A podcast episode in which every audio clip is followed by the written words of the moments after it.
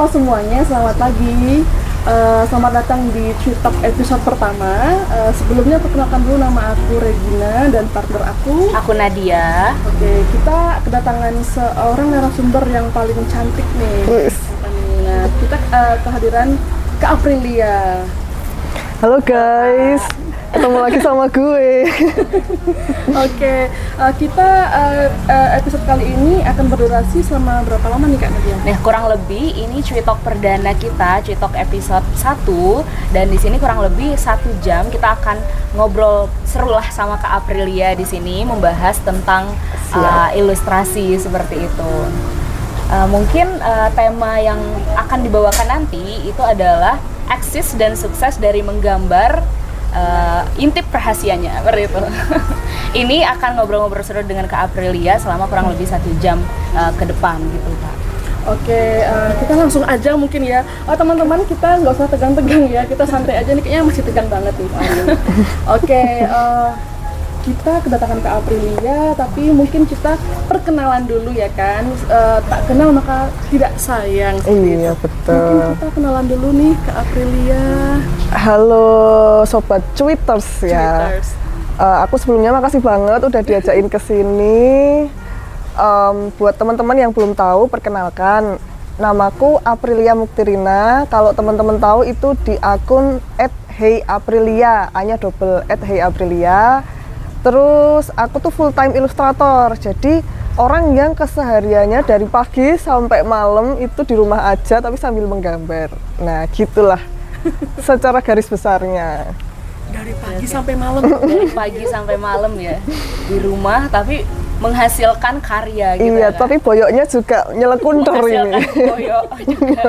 menghasilkan boyok-boyok yang meleot gitu kira-kira seru ya teman-teman. Nah itu dia. Dari awal aja udah seru banget nih ya kan? Nah kita mungkin langsung aja kali ya masuk ke sesi pertanyaan. Oh sebelumnya uh, kita pada hari ini kita akan punya berapa sesi nih kak? Dua sesi ya? Hmm, sesi pertama sesi. pertanyaan nih uh, sharing bareng kak Aprilia dari kita.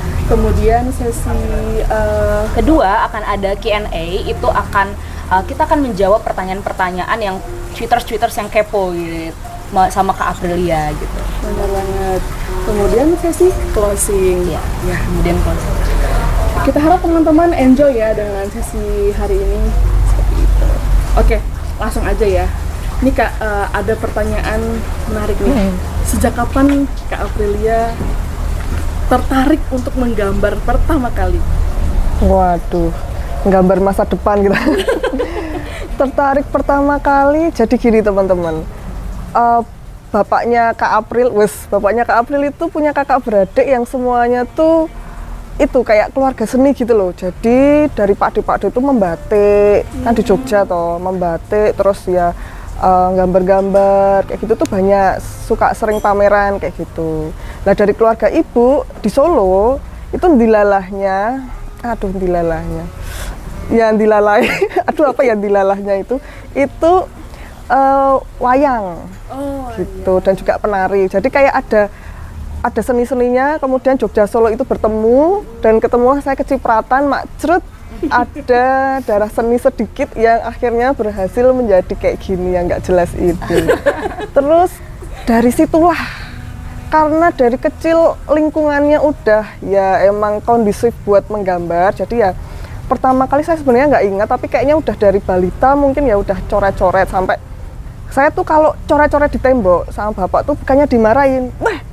Krayon nih nggak boleh. Itu nggak justru malah temboknya itu sama bapak tuh ditemplei aduh ditemplei lah ditempelin sama karton kertas-kertas kayak gitu temboknya. Jadi emang emang sama bapak tuh ya udah kamu emang sukanya nyoret-nyoret nggak jelas ini kamu tak kasih ruangan ruang keluarga itu ditemplei semua pakai kertas biar aku di situ coret-coret itu waktu kecil. Jadi ya udah terbiasa banget sejak dulu. Disupport ya kak ya? Heeh, disupport. Seru banget ya kak. Berarti memang disupport kalau coret suka coret-coret tembok. Ya udah nih dikasih nih tembok mm -mm. buat coret-coret gitu ya. Mm -mm. bahkan kalau yeah. saya pulang pelajaran matematika apa pelajaran IPA itu bukunya dilihat kok ono gambar-gambare kayak gitu. Jadi kamu nggak nggak matematika lagi Eh, kak eh, kok nggak bukannya dimarahi tapi malah oh nggak apa-apa mungkin kamu cara belajarnya visual kayak gitu. keren banget ya teman-teman dalam artian berarti orang tua memang sangat-sangat support bakat anak gitu dan jadilah se seperti sekarang ini. Iya. Oke, mungkin eh, selanjutnya kita eh, kepo nih kak. Kalau sekarang kegiatan kak Aprilia itu selain menjadi ilustrator itu ngapain nih kak? Eh, selain jadi konten bikin konten untuk ilustrasi gitu eh, kadang aku ngisi kan kan teman-teman pasti eh, sering kan bikin pakai Canva kayak gitu Iya, iya. nah di situ kan ada desain-desainnya ada elemen-elemennya nah kadang aku kalau solo ya bikin-bikin di situ kan karena udah jadi partnernya Canva juga. Terus kadang buka di Fiverr kadang bikin apa gambar-gambar untuk kreatif market kayak gitu. Tapi selain itu juga ya ada umbah-umbah juga, kadang nyetriko, kadang eh, ngomong anak, ya pokoknya kegiatannya tuh sama seperti kita semua. kayak gitu, misalnya lagi gambar tiba-tiba, waduh ini udah saatnya bayar listrik apa apa kayak gitu udah seperti itu kegiatannya. Multitasking lah ya kak. Mm-mm, Asik banget ya. begitu. Terus nih Kak Aprilia eh, sebagai ilustrator ini awalnya itu terjun langsung di ilustrator apa jadi graphic designer dulu meraba-meraba gitu apa gimana nih Kak?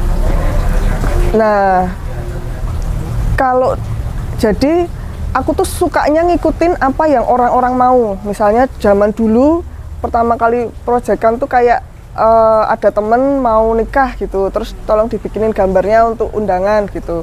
Terus oh ternyata orang-orang tuh suka tuh kalau ada ilustrasinya. Aku gambar gitu, ternyata eh, misalnya temennya jadi tahu, temennya jadi tahu gitu kan. Jadi jadi aku menggambar apa yang diikuti pasar dan sesuai sama skillku gitu.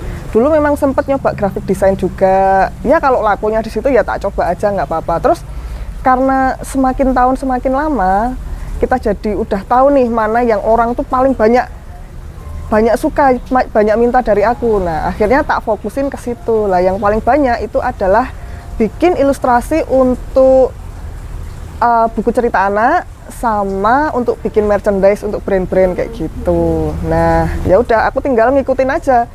Aku pokoknya bikin apa yang orang minta lah, wes gitu. Ngelihat permintaan pasar ya. Mm Kak? -mm, mm. Tapi ya karena dia eh, kalau kita lihat-lihat tuh di Instagramnya Kak Aprilia ya, itu Kak Aprilia ini bikin ini loh guys, apa namanya eh, kayak blazer gitu ya Kak, outer Mm, ya. outer. Iya benar. Itu desain sendiri loh. Itu gimana Kak? Gimana ceritanya, bisa gimana jadi tuh? cardigan, bisa jadi outer gitu desainnya itu gimana kak ceritanya? Ceritanya kan uh, biasanya orang tuh kalau ada klien yang masuk terus bikinin mereka scarf sama collab sama brand mana gitu kan uh, karyaku tuh sama mereka terus gitu. Terus kadang-kadang tuh pengen bisa nggak sih kalau aku bikin ya nggak pakai brief kan? Kalau dipesan orang kan ngikutin mereka oh harusnya ah, ini untuk gini untuk gini tema kita sekarang ini. Nah kalau bikin sendiri kan ah coba-coba aja. Bisa nggak ya? Sebenarnya takut juga tuh soalnya belum pernah biasanya bikinin buat orang. Terus bikin sendiri dan ternyata nggak tahu sih bagi orang-orang bagus apa enggak tapi itu bagiku udah kayak udah step memberanikan diri untuk bikin untuk diri sendiri itu udah seneng banget. Kayak personal project gitu. Ah, iya jadi teman-teman kalau misalnya eh, burn out sama kerjaan coba sekali-sekali bikin sesuatu yang untuk diri sendiri. Nanti tak kalian jadi fresh lagi Iya, gitu iya. Seru berarti itu kardigannya dibuat untuk diri sendiri gitu kak? Atau Mm-mm. itu akan dikomersilkan juga? Ya? kalau ada yang mau ya tak jual yang nggak ada ya ya udah Oh iya iya. Tapi mungkin lebih ke kepuasan batin Kepuasan ya. batin berarti ya kak? Seru sekali. Seru ya. Berarti eh, motivasi ke Aprilia untuk jadi ilustrator ini selain misalnya demandnya banyak di sana, di pasar juga banyak yang minta jadi ilustrator, itu apa sih kak? Misalnya kayak misalnya jiwanya ternyata di ilustrasi nih yang lebih bebas mungkin daripada misalnya eh, yang sebelumnya atau gimana gitu? Mm. Nah, kadang aku juga apakah ini tujuan akhir hidupku? Tujuan gitu. Tapi setelah tak pikir-pikir itu kan dulunya hobi. Iya. Hobi yang dijadiin kerjaan itu malah gimana ya sebenarnya? Kita jadi nggak punya hobi. Oh iya iya. Nah, hobi kita udah jadi kerjaan. Terus hobi kita jadi apa dong? Nah gitu. Jadi aku jadi harus nyari hobi yang lain. Jadi eh, kalau sesuatu udah jadi pekerjaan, menurutku yang bikin sampai aku bertahan sampai sekarang tuh lebih ke karena kebiasaan dan udah niat nyemplung gitu. Kalau ini jadi eh, sesuatu hal panggilan cita-cita dari kecil sebenarnya cita-citaku dari kecil tuh kayaknya pilot deh Oh, dari pilot ilustrator. tapi yang namanya anak kecil ya biasanya waktu nyelekop gitu kan tapi udah gedenya beda ya begitulah Eh, lebih ke karena kebiasaan aja terus seneng jadi sampai sekarang deh Berarti memang senengnya di ilustrasi gitu ya kak? Mm-mm. Karena diarahkan juga ya sama bapak dari awal, akhirnya ketemu lah. Ketemu lah betul betul betul Terus nih kalau menurut Kak Aprilia ya, seberapa penting menekuni sesuatu dengan passion yang kita punya gitu Kak? Nah, kita kan sering banget ya kalau di sosmed tuh dengar, ayo cari passion, cari passion, cari passion gitu kan. Nah, kalau menurutku seberapa penting tuh lebih ke, misalnya nih, kalian tangi turu, terus kerja, tapi nggak ada passionnya, itu tuh bikin kalian tuh pengen pindah gitu loh. Aduh ngapain sih kerja di sini? Ah, kayak males, terus pindah lagi. Oh sini males kayak gitu kan. Kayak kayak nggak nggak nggak ada sesuatu yang membuat kalian tuh semangat untuk konsisten. Tapi kalau misalnya udah ada passion itu lebih ke sengsoro sengsorone di kerjaan. Misalnya ono deadline lah, ada timeline harus cepet, ada hal-hal dihujat lah eh, desainnya, sok revisi. Tapi karena ada passion itu sendiri itu jadi kita tuh kayak ada secercah harapan buat ah besok aku mau kayak gini lagi. Kayak gitu. Sedih ya. Kok malah cerita sedih loh aku. Nge- jadi kayak passion itu sesuatu yang teman-teman harus punya biar kebawa terus. Penderitaannya itu dikerjakan dengan senang.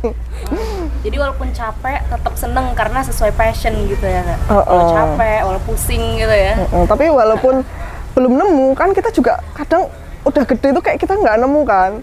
Ya itu nggak apa-apa mau pindah-pindah kerjaan juga nggak apa-apa siapa tahu eh, suatu saat ketemu dan yang namanya kerjaan semuanya nggak ada yang enak.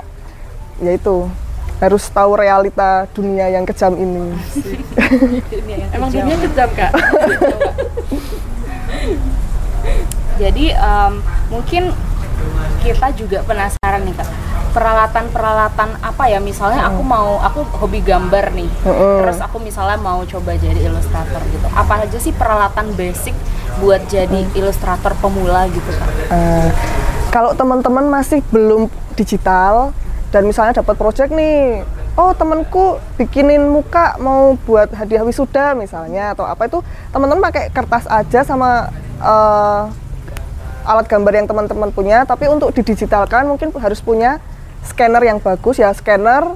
Terus teman-teman punya laptop karena nanti pasti kan di di touch touch up lagi kan biar lebih warnanya lebih enak kayak gitu. Nah itu scanner sama laptop itu udah udah nggak apa-apa banget.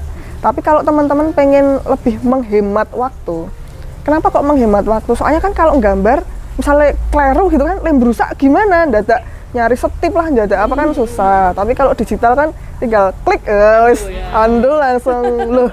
Mana tadi? Sangat magic wow gitu kan jadi mempercepat. Nah aduh saya wae. Jadi mempercepat teman-teman tuh butuh yang namanya drawing tablet.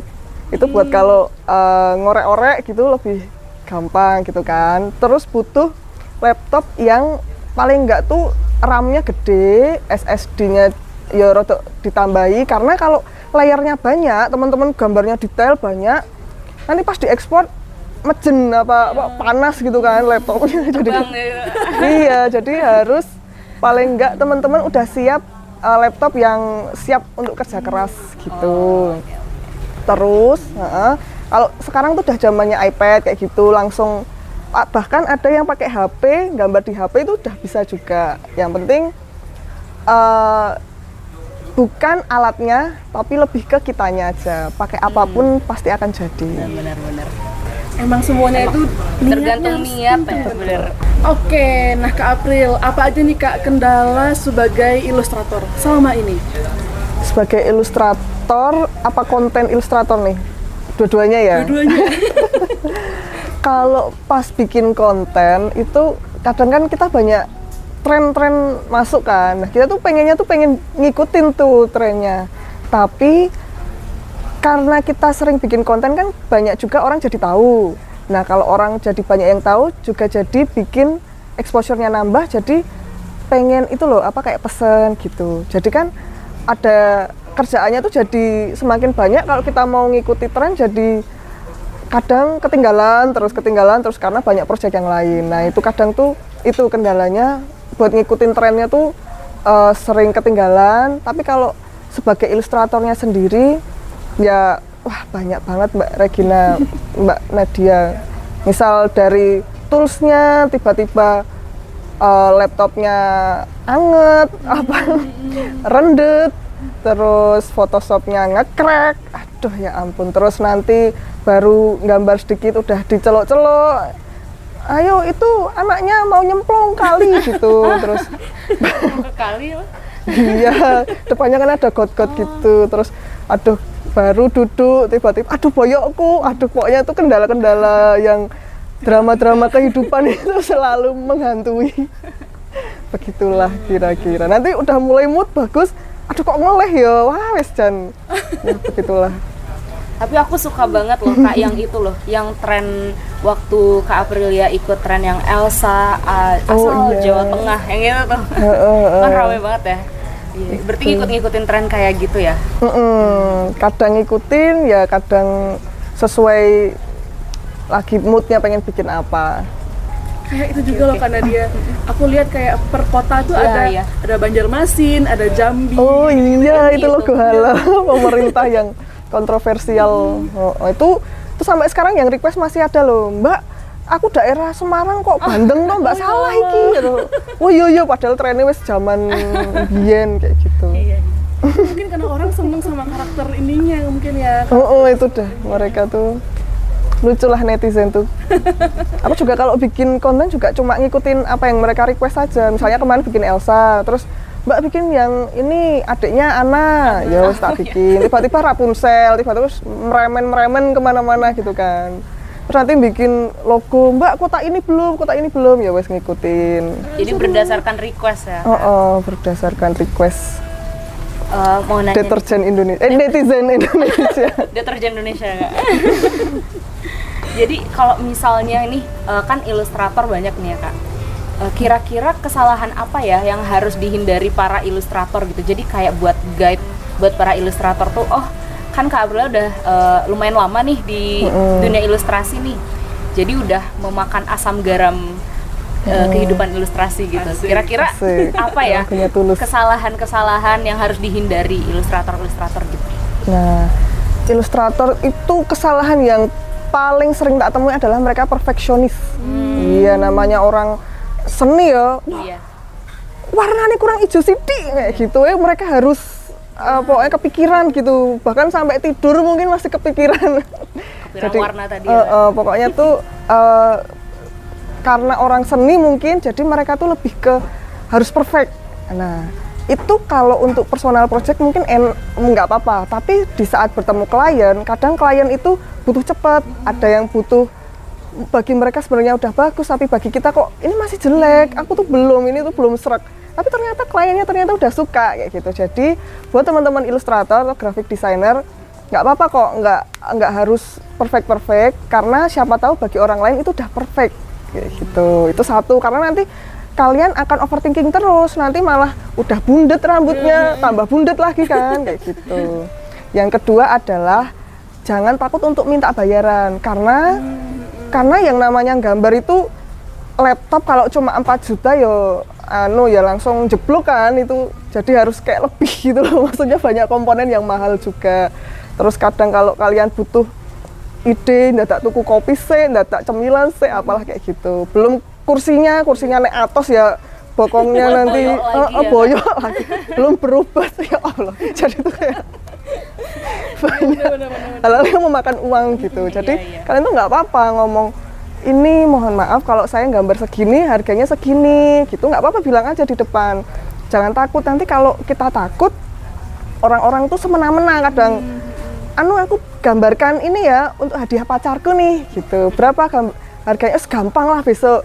Tiba-tiba udah dikirim kok nggak ditransfer transfer malah di ghosting gitu kan. Terus tiba-tiba datang lagi eh pacarnya punya ibu nih gambarkan ibunya lah kayak gitu malah meremen-meremen banyak kayak gitu kan. Jadi eh, kalau kita mendesain gratis terus ya kita nggak akan maju-maju juga upgrade alat juga nggak bisa. Apalagi profesi gambar di Indonesia tuh masih sesuatu hal yang menyenangkan bagi orang lain jadi terlihat itu bukan pekerjaan. Wong kamu seneng kok gambar. Iya, iya, masa dibayar? Wong kamu kan melakukan hal yang menyenangkan kayak gitu. Padahal realitanya sangat berbeda.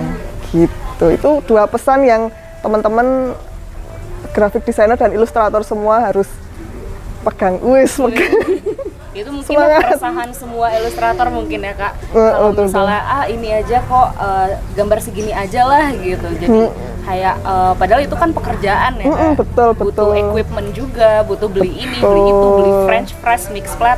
Alah. beli minum oh, kan oh, betul betul Iya, iya. Lebih ke menghargai ini ya kak ya menghargai diri sendiri juga Mm-mm. ya betul sekali kak Regina Nah kalau Kak eh, April sendiri sebagai ilustrator itu eh, ada nggak Kak teknik khusus nih Eh, misalnya eh, menggambarnya harus begini terus eh, matanya harus begini badan harus begini gitu ada nggak Kak kira-kira Kak? Oke, kalau teknik khusus tuh biasanya tiap ilustrator yang punya style tuh mereka udah merancang sendiri untuk gimana stylenya, udah di riset sendiri. Nah, teman-teman kalau pengen punya style juga kayak gitu, luangkan waktu buat ngeriset eh, kalian mau bikinnya kayak gimana nih? Apakah mau realis? Apakah mau dekoratif? Kalau tempatku kan dekoratif. Terus dia figurnya itu nggak yang anatomis banget. Eh, bentuk badannya misalnya orang ya harusnya kayak gini punya aku agak meleot tangannya kepanjangan sebelah gitu kan terus juga warna-warnanya juga dipilih palet warnanya ada orang yang sukanya monokrom hitam putih aja udah suka. Tapi kalau aku lebih suka ke warna-warna yang misalnya merah. Aku bakal nambahin sedikit coklat di warna merah itu. Hijau tak tambahin sedikit coklat. Kenapa? Jadi agak semu-semu coklat kok. Apa tuh kok warna kok kusem-kusem blegadus gini? Nah itu tuh lebih ke karena warna coklat itu adalah semua warna. Kalau dicampurin akan jadi warna coklat. Nah jadi kayak coklat itu menurutku adalah warna yang memiliki berjuta-juta pigmen warna-warna yang lain. Karena cuma warna coklat yang di, di- dibikin dari berbagai macam warna. Kayak gitu. Itu kenapa uh, karya-karyaku kebanyakan untuk kusem-kusem nggak jelas gitu.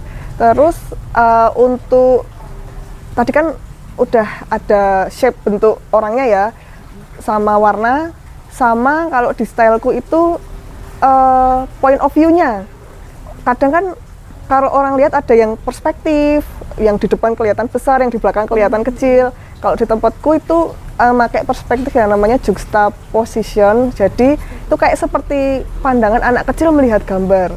Anak kecil nggak bisa menggambar yang jauh tuh jadi kecil mereka belum tahu. Jadi kayak bagi mereka benda yang ada di belakang itu ada di atasnya itu seperti kayak anak kecil melihat uh, sesuatu saat mereka menggambar ada gambar yang jauh. Mereka nggak akan membuatnya jadi kecil kayak perspektif kita pada umumnya. Tapi mereka akan menggambarnya di atasnya di atasnya. Jadi kalau uh, melihat karyaku tuh jadi kayak uh, yang di belakang itu jadi di atas yang di depan tuh jadi di bawah. Kayak gitu. Itu karena anak-anak kecil melihatnya kayak gitu. Itu yang aku terapkan di style karya-karyaku kayak gitu. Jadi itu eh, ini ya teman-teman eh, kalau aku lihat sih Kak Aprilia ini benar-benar eh, bisa melihat eh, sisi dari eh, anak muda, maksudnya orang tua, eh, remaja, anak kecil pun bahkan juga diriset ya sama Kak Aprilia.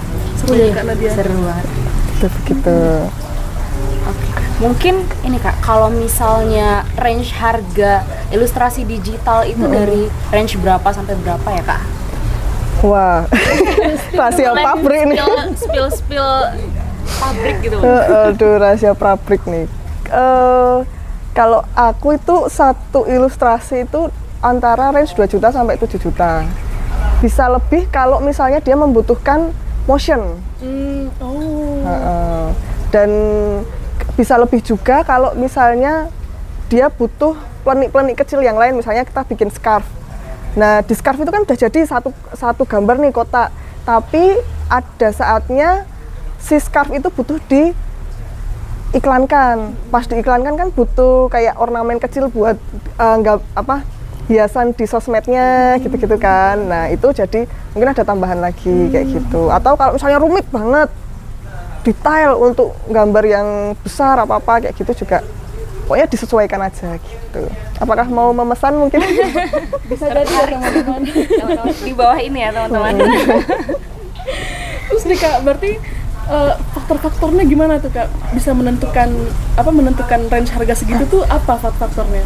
Apakah kerumitannya mungkin atau apa gitu? Ya, paling pertama adalah kerumitannya, yang kedua adalah banyaknya juga, yang ketiga adalah eh, penggunaannya itu kan perlu lisensi. Lisensinya itu apakah dia akan dijual banyak, apa mau dijual cuma kurang dari 2000 atau mau untuk personal use. Personal use itu kayak cuma buat hadiah pacar, hadiah orang tua. Nah, itu membedakan.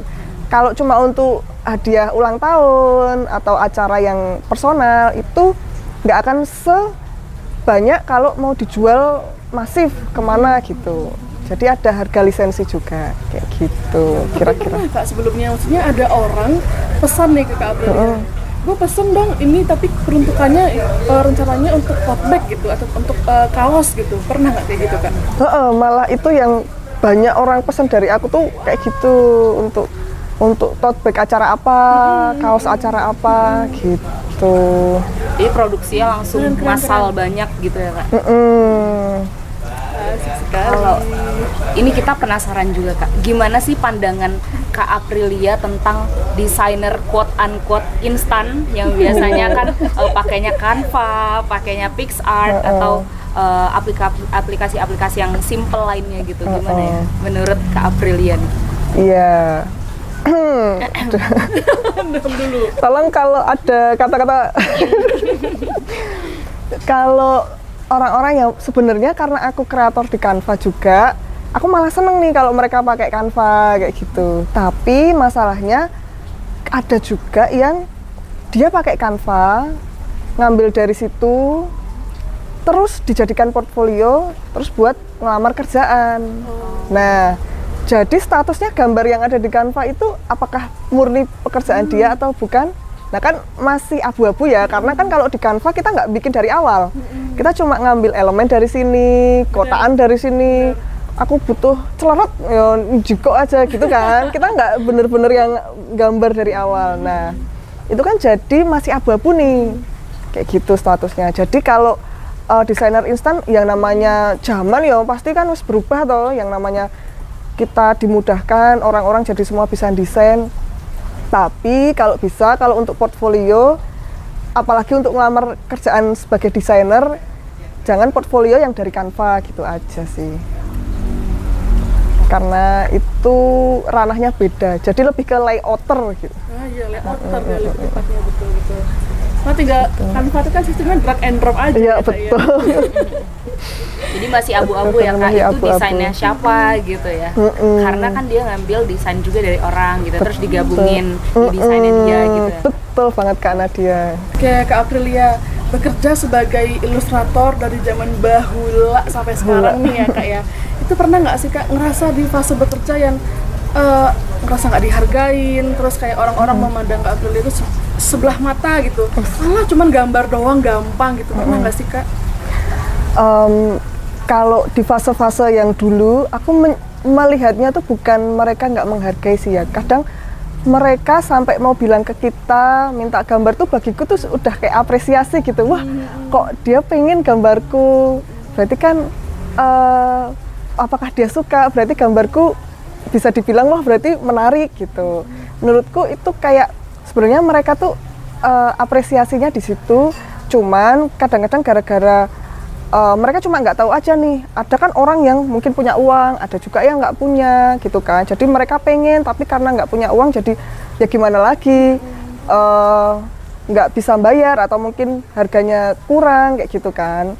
Tapi menurutku mereka bukannya bukannya mau jahatin kita enggak. Tapi lebih ke karena ya itu keadaan mereka kayak gitu. Jadi kalau aku ngelihatnya sih lebih ke bukan disepelein atau tidak menghargai tapi lebih ke kita belum negosiasi apa belum ngomong di awal. Mereka kan cuma orang yang belum tahu aja. Tapi kalau udah tahu mereka pasti juga oh iya juga ya ternyata oh ternyata begitu jadi kalau misalnya ada yang pesan misalnya dia sedulur apa konco cerak apa konco yang tiba-tiba ngilang tiba-tiba datang kayak gitu itu ya uh, karena kita udah tahu mereka teman jadi udah siap mental dulu nih.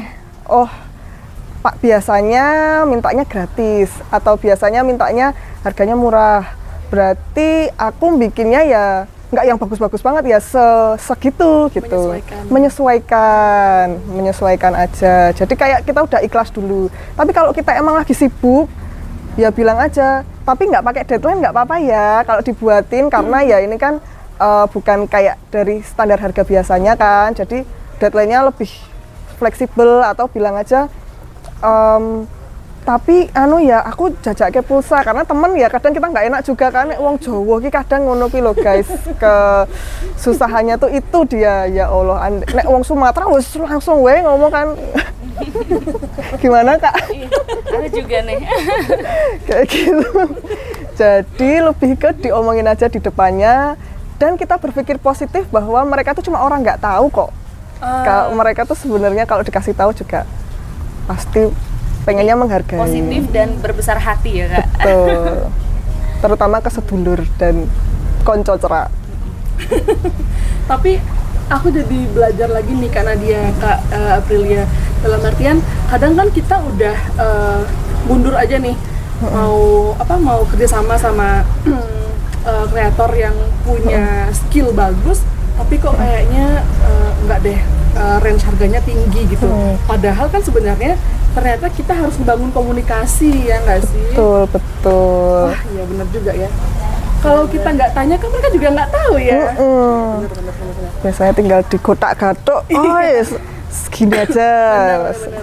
Berarti menyesuaikan ya kak harga itu. Apa desain menyesuaikan harga sama kesibukan juga gitu kali ya. Mm.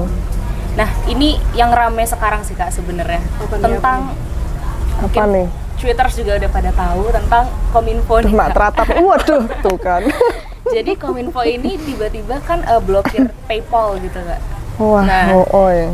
Sedangkan PayPal ini adalah eh, media payment yang banyak digunakan oleh eh, freelancers gitu. Nah, gimana pandangan Kak Aprilia tentang tiba-tiba diblokirnya PayPal itu? Wah ini, ini tolong kalau tiba-tiba menghujat ini editor. Aduh gimana ya? Itu sebenarnya eh Kominfo tuh andai dia bisa lebih bijaksana dalam mengambil keputusan karena ini kita juga butuh masalahnya. Kita juga butuh terus em, kita mau ngasih keamanan mereka sebenarnya niatnya mau bikin biar kita tuh aman datanya. Tapi masalahnya sesuai track record di belakang-belakang apakah data kita aman? Apakah kita terlepas dari penipuan-penipuan online lewat SMS apakah itu sudah diberantas? Kan kayak kita juga sebenarnya ada di tahap berdek juga kan data kita ya sa- sakjane ono ngendi gitu. Nah ditambah mereka yang ngasih kebijakan ini yang menurut mereka bagus dan dilalahnya ternyata adalah malah membuat kita semakin sengsara. Sengsaranya adalah kita bergantung dari situ mau duitnya dari mana lagi. Aduh, malah sedih.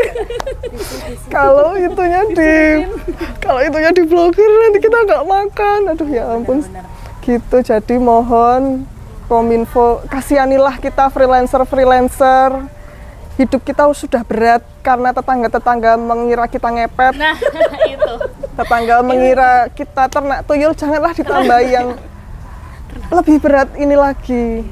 Jadi semoga Kominfo ke depannya lebih bijaksana uh, mengambil keputusan dan melihat uh, kita-kita juga gitu. Kalau untuk gamers ya itu mungkin mungkin ada yang gamers mungkin mau nambahin juga boleh.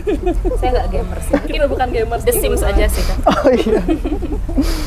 Ini- gitu kira-kira. Terkait yang tadi tuh Kak, ternak tuyul dan apa itu ngepet. Nah, kalau misalnya tetangga-tetangga nih, kalau misalnya kan seringnya WFH, work from home kan, kalau Aprilia Illustrator kayak gitu. Apa sih pendapat tetangga-tetangga gitu kan nggak keluar rumah kok tiba-tiba beli apa gitu kan? Heeh. Itu gimana pengalamannya? ya itu kalau aku cewek mungkin masih orang masih nggak apa-apa ya kayak melihatnya tuh biasa kalau cewek di rumah kan ngurus anak gitu Iya, kan iya. tapi dilalahnya suami saya itu juga tak ajak buat keluar kerjaan buat buat bantuin aku desain karena emang dia juga diajarin terus bisa juga gitu kan akhirnya dia malah jadi bagus di situ. Jadi kan dua-duanya nih yang di rumah nih. Iya, semakin menambah kecurigaan tetangga-tetangga yang ada di sekitar Ada saya. tuyul gitu ya kayak ini orang dua orang di rumah aja ngapain? Gitu. Ngerti-ngerti mesin cuci masuk, Oh, kulkas oh. masuk. ke mus amin amin. Nah kalau aku sih melihat itu lebih ke misalnya nih aku kan ti- tinggalnya neng Imogiri sana di mana perkampungan dan sosialis sosialnya tuh sangat tinggi. Biar teman-teman terhindar dari gibahan-gibahan yang tidak cetha itu su- sering-seringlah menyumbang untuk RT kalian. Oh gitu. Tips yang Iya, pertama, tips sering-sering pertama. nyumbang buat RT ya kak. contoh kerja bakti. Kurang konsumsi ya wes kasih. Apa misal apalah pokoknya yang kita butuh mau bangun apa ya kita yang menghidupi kehidupan uh, di sosial desa tersebut. Nanti kan orang-orang semakin maklum malah semakin mendukung. Sana kamu. Biar iurannya makin Eh, eh, jadi Makin iuran ya. iuran harus tepat jangan sampai utang. Jadi intinya kita harus sering-sering bagi-bagi rezeki aja gitu bener banget nih teman-teman karena setiap usaha kita, pekerjaan kita, gaji kita, hasil kita itu adalah rezeki orang lain juga. betul Oke, nih Kak Aprilia, kalau ngomongin soal karya nih ya Kak, eh, karya apa sih yang paling berkesan buat Kak Aprilia sebagai ilustrator nih di era modern yang kayak begini? Ya, yang paling sebenarnya banyak banget yang ada cerita-cerita di baliknya. Tapi yang aku paling inget itu adalah, jadi waktu aku bikin TikTok, itu kan Elsa, Elsa versi Jawa Tengah.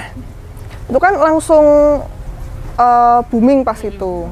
Nah, habis itu out of nowhere ada yang kontak tuh dari Warner Music. Hmm, Warner Music. Heeh. Keren. Keren, keren, keren. Terus keren. apa yang Lucas Graham. Jadi ada musisi Lucas Graham yang nyanyi Seven, Seven Years. day- eh, seven years ya. Heeh. Oh, iya. Itu tuh mereka tuh mau bikin album judulnya Scar kalau nggak salah. Nah terus dia tuh kontak, aku mau promosi lagu ini, bisa nggak bikin ilustrasinya? Terus wah ilustrasi buat di mana nih? Kok bisa tahu nih tiba-tiba kok si Lucas Graham? Tapi maksudnya manajernya waktu itu wonge tenan ya aku jantungan kan, gitu. Oh ini, aku tahunya dari TikTok yang Elsa. Wah ternyata ya, cuman gara-gara karya nggak jelas itu bisa memanggil orang yang sangat jelas gitu. Akhirnya, eh, oh boleh boleh boleh. Nah goib. karena eh, album barunya itu, eh, lagu barunya itu judulnya Scars tentang luka. Gimana kalau eh, Mbak Aprilian ini menggambar di apa tencoplas apa Hansa apa tencoplas Heeh. jadi itu nanti tencoplasnya itu kok tencoplas ya Ah, iya. itu bakal dibagi-bagikan waktu mereka launching album biar filosofinya wah ini mengobat apa mengobati luka karena lagunya tuh scars kayak gitu keren judulnya. banget.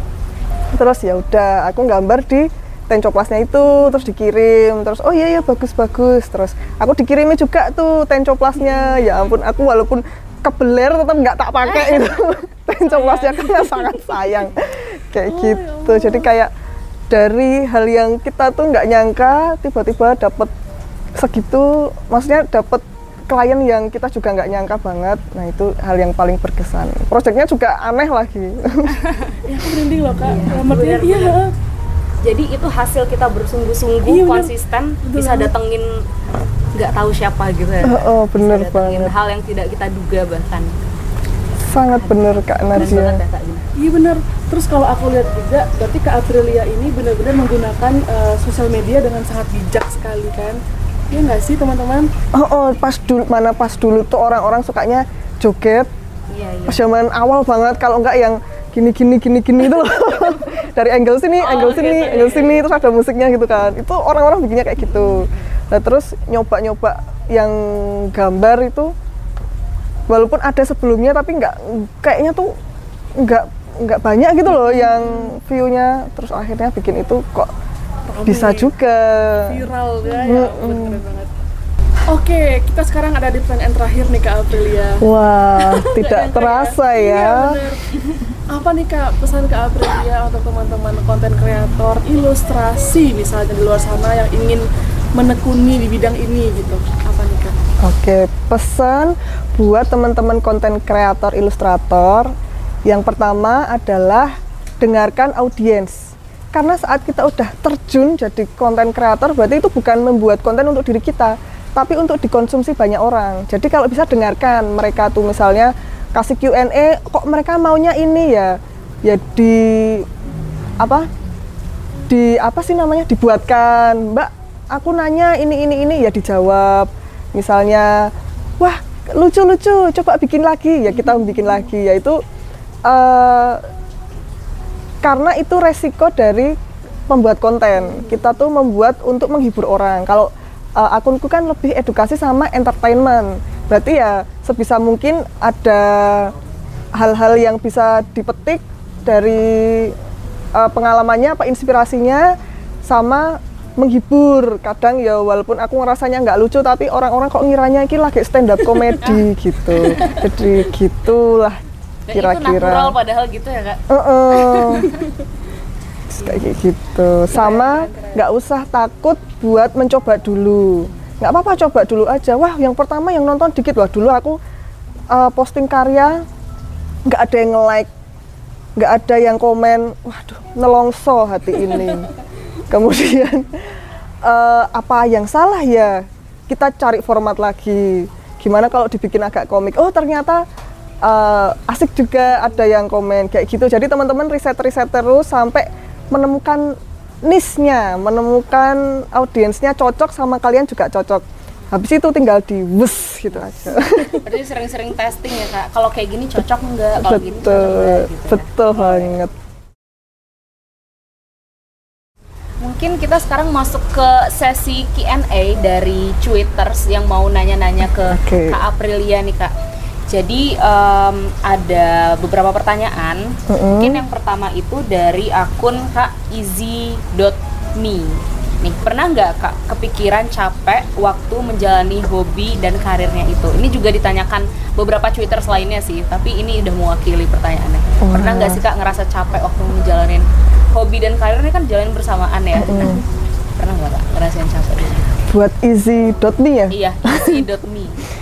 itu kalau capek pasti wajar ya semua orang pasti ngerasa capek terus ngerasa bosen kalau tips dari aku carilah komunitas atau lingkungan yang kira-kira setujuan kalau kalian kerja sendiri misalnya kamu ilustrator sendirian itu rasanya lebih lebih bikin capek. Tapi kalau kalian ikutlah komunitas. Ah, kalau ilustrator tuh komunitasnya apa ya? Kalau graphic designer komunitasnya apa ya? Soalnya kalian mau ternak lele, ya gabunglah komunitas ternak lele. Jadi biar tiba-tiba kalau di komunitas kan, halo, ini leleku gede-gede nih, kan kita termotivasi kan. Jadi, wah aku harus bikin lele yang lebih gede gitu, terpacu. Kalau aku Menemukan ketemu, lele itu ya. Mm-mm, kalau aku ketemu sama teman-teman ilustrator yang lain, aku habis ini loh pakai software baru nih, cobain cobain, asik. Oh, kita kan jadi kayak terpacu juga. Jadi kalau bisa carilah komunitas yang sesuai biar kalian semangat terus. Asik. Memang berada di lingkungan yang benar itu memotivasi sekali ya kak. Betul. Thank you nih dari Kak Easy.me nih. Eh, Oke, selanjutnya ada pertanyaan dari Kak Elvia Velin. Pertanyaannya gini nih Kak, eh, ada nggak sih rekomendasi aplikasi yang gampang digunakan untuk pemula yang baru belajar? Ah, Oke, kalau ada yang bisa pakai HP teman-teman itu apa ya namanya sketch apa ya? Aduh, aku lupa namanya. Itu bisa gambar-gambar di HP. Temanku ada yang bikin konten cuma pakai uh, HP, dia gambar-gambar pakai tangan, terus dia gambarin karakter-karakter yang terkenal kayak ada SpongeBob apa kayak gitu cuma pakai pakai 3G gini itu asik banget terus kalau buat pemula menurutku juga cocok apalagi kalau kalian bikin doodle drawing karena kalau dijual itu banyak yang mau. Terutama uh, penerbit karena mereka butuh buat buku mewarnai kan ada relaxing doodle art kayak gitu kan. Itu emang masih banyak yang suka atau kalian mau jual di marketplace juga bisa cuma pakai 3G dan HP kayak gitu bisa. Terus kalau mau lebih advance lagi ya boleh pakai pen tool SAI apa Procreate apa kalau bisa Photoshop itu juga sebenarnya gampang cuman kadang ada yang berbayar ada yang enggak. Dan kalau masih awal kan belum punya uang nih buat yeah. subscribe kayak gitu kan. Jadi cari yang gratisan dulu.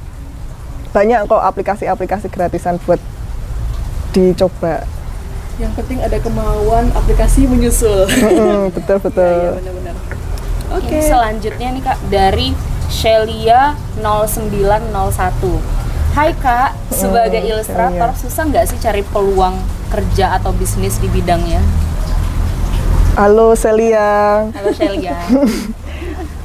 Untuk cari peluang sekarang itu zaman internet kita tuh udah nggak punya batas lagi sekarang kayak nggak kayak dulu mau gambar harus up, apply ke penerbit atau wes menelongso lah zaman dulu. Sekarang kita tuh upload gambar misalnya itu nyebar exposure banyak klien datang sendiri kayak gitu. Jadi uh, manfaatkanlah internet manfaatlah cuit. Kalian akan bakal mendapatkan klien itu alami, organik dengan sendirinya. Kalau kalian bingung mau apa, atau kalau kalian uh, masih bingung lagi, gambarku ini cocoknya jadi apa, bukalah Fiverr juga boleh, karena di sana uh, buat pemula itu bagus. Bagusnya apa? Karena uh, kita tuh nggak bayar waktu bikin lapak, nggak kayak di Etsy, nggak kayak di mana yang harus ngirim portfolio dulu, harus bayar lapaknya dulu, kayak gitu. Atau kalian coba kontes, misalnya 99 design nih, itu kan mereka udah ada kontes-kontesnya, kita tinggal apply atau ada project apa yang lain selain logo, apply kayak gitu bisa dicoba.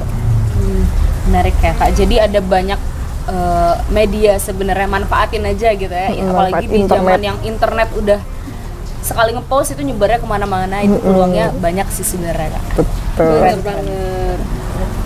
Oke. Okay. Selanjutnya nih dari Kak Tejo Wibowo. Kak Tejo. uh, pertanyaannya gini Kak, bagaimana menurut Kak Aprilia tentang fenomena Aduh, apa profesi nih? yang tidak sesuai dengan jurusan kuliah? Ini kayaknya hmm. banyak banget cerita yang kayak begini nih. Ayo ngaku ngaku. Uh, nih. Gimana nih Kak menurut Kak Aprilia? Nah, pivot ya. Temenku tuh ada yang lulusan pertanian, oh, ada iya. yang pertanian iya, terus menggambar gitu. menggambar gitu. ada yang lulusan psikologi lulusan bahasa Inggris kayak gitu kalau zaman sekarang tuh karena orang tua kita pasti menyuruh anaknya memilih jurusan yang terbaik bagi mereka yang paling secure. Nggak mungkin kan? Gini dulu aku tuh pengennya masuk isi sama bapakku. Pak aku pengen lebih isi isi Jogja lo keren lo pak. Sumpah nih kono nek dong gawe karya wo mantap tapi bapakku tuh merasa ya Allah nduk nduk astagfirullahalazim. Konco-koncone bapak lo neng isi do koyone ra tau adus kayak gitu. Bayangannya tuh udah ngeri dulu. Kalau enggak gimbal apa kalau enggak kayak gitu. Maksudnya yang kepikiran tuh yang jelek-jeleknya dulu padahal kan enggak kayak gitu. Nah jadi mau nggak mau kita ngikutin orang tua.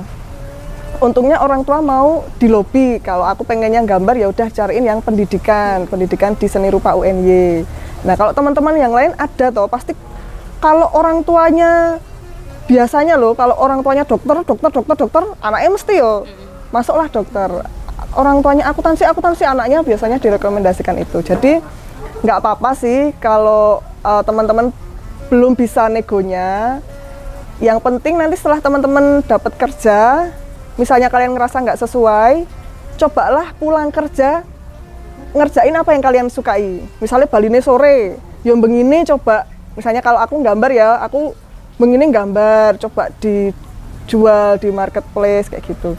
Kalau dilalahnya, ya kok dilalahnya, yang dari sampingan itu lebih banyak, ya baru pelan-pelan mau resign boleh apa mau dua-duanya kalau bisa ya nggak apa-apa. Gitu. Jadi lebih ke mana yang menghasilkan lebih banyak realistis itu realistis sih kak Iya apalagi. benar. Nah mungkin ini yang terakhir nih kak dari Twitters ada pertanyaan Oke. dari kak Bella Diana gimana rasanya jadi terkenal dan viral karena skillnya nih Uh, waduh, duh, duh, duh, duh. pertanyaan yang cukup main-main ya Mak ya. skill Mm-mm. Iya, iya. itu tuh kayak daripada terkenal karena fisik apa terkenal karena sensasi apa terkenal karena perbuatan-perbuatan tidak senonoh ini lebih mending jadi kita kayak nggak beban kayak lebih jadi lebih pede dan kita jadi lebih sayang sama diri kita sendiri apa adanya karena kita punya skill kayak gitu jadi rasanya nggak bisa diras diungkapkan dengan kata-kata pokoknya seneng lah. Rasanya seneng ya Kak Bella. Jadi kita Betul, tuh betul. terkenalnya karena memang kita bisanya apa gitu ya. Hmm, seneng pokoknya. Oke, itu dia teman-teman eh, sesi eh, tanya jawab nih dari Twitters untuk Kak Aprilia. Yeay. Eh, ini kita sudah ada sesi terakhir nih Kak. Wah, Terima kasih sekali untuk teman-teman semuanya yang sudah mengikuti Talk episode pertama selama 60 menit ke depan ini ya. Eh 60 menit ke belakang. belakang. Oke, eh, sebelumnya eh, Kak Aprilia terima kasih banyak. Terima kasih banyak Kak. Sukses selalu Kak. amin, Sehat amin, selalu, amin, amin. lancar Tolong doakan boyok saya Iya, selalu kuat sehat selalu. dan tidak nyelekunter. Ya.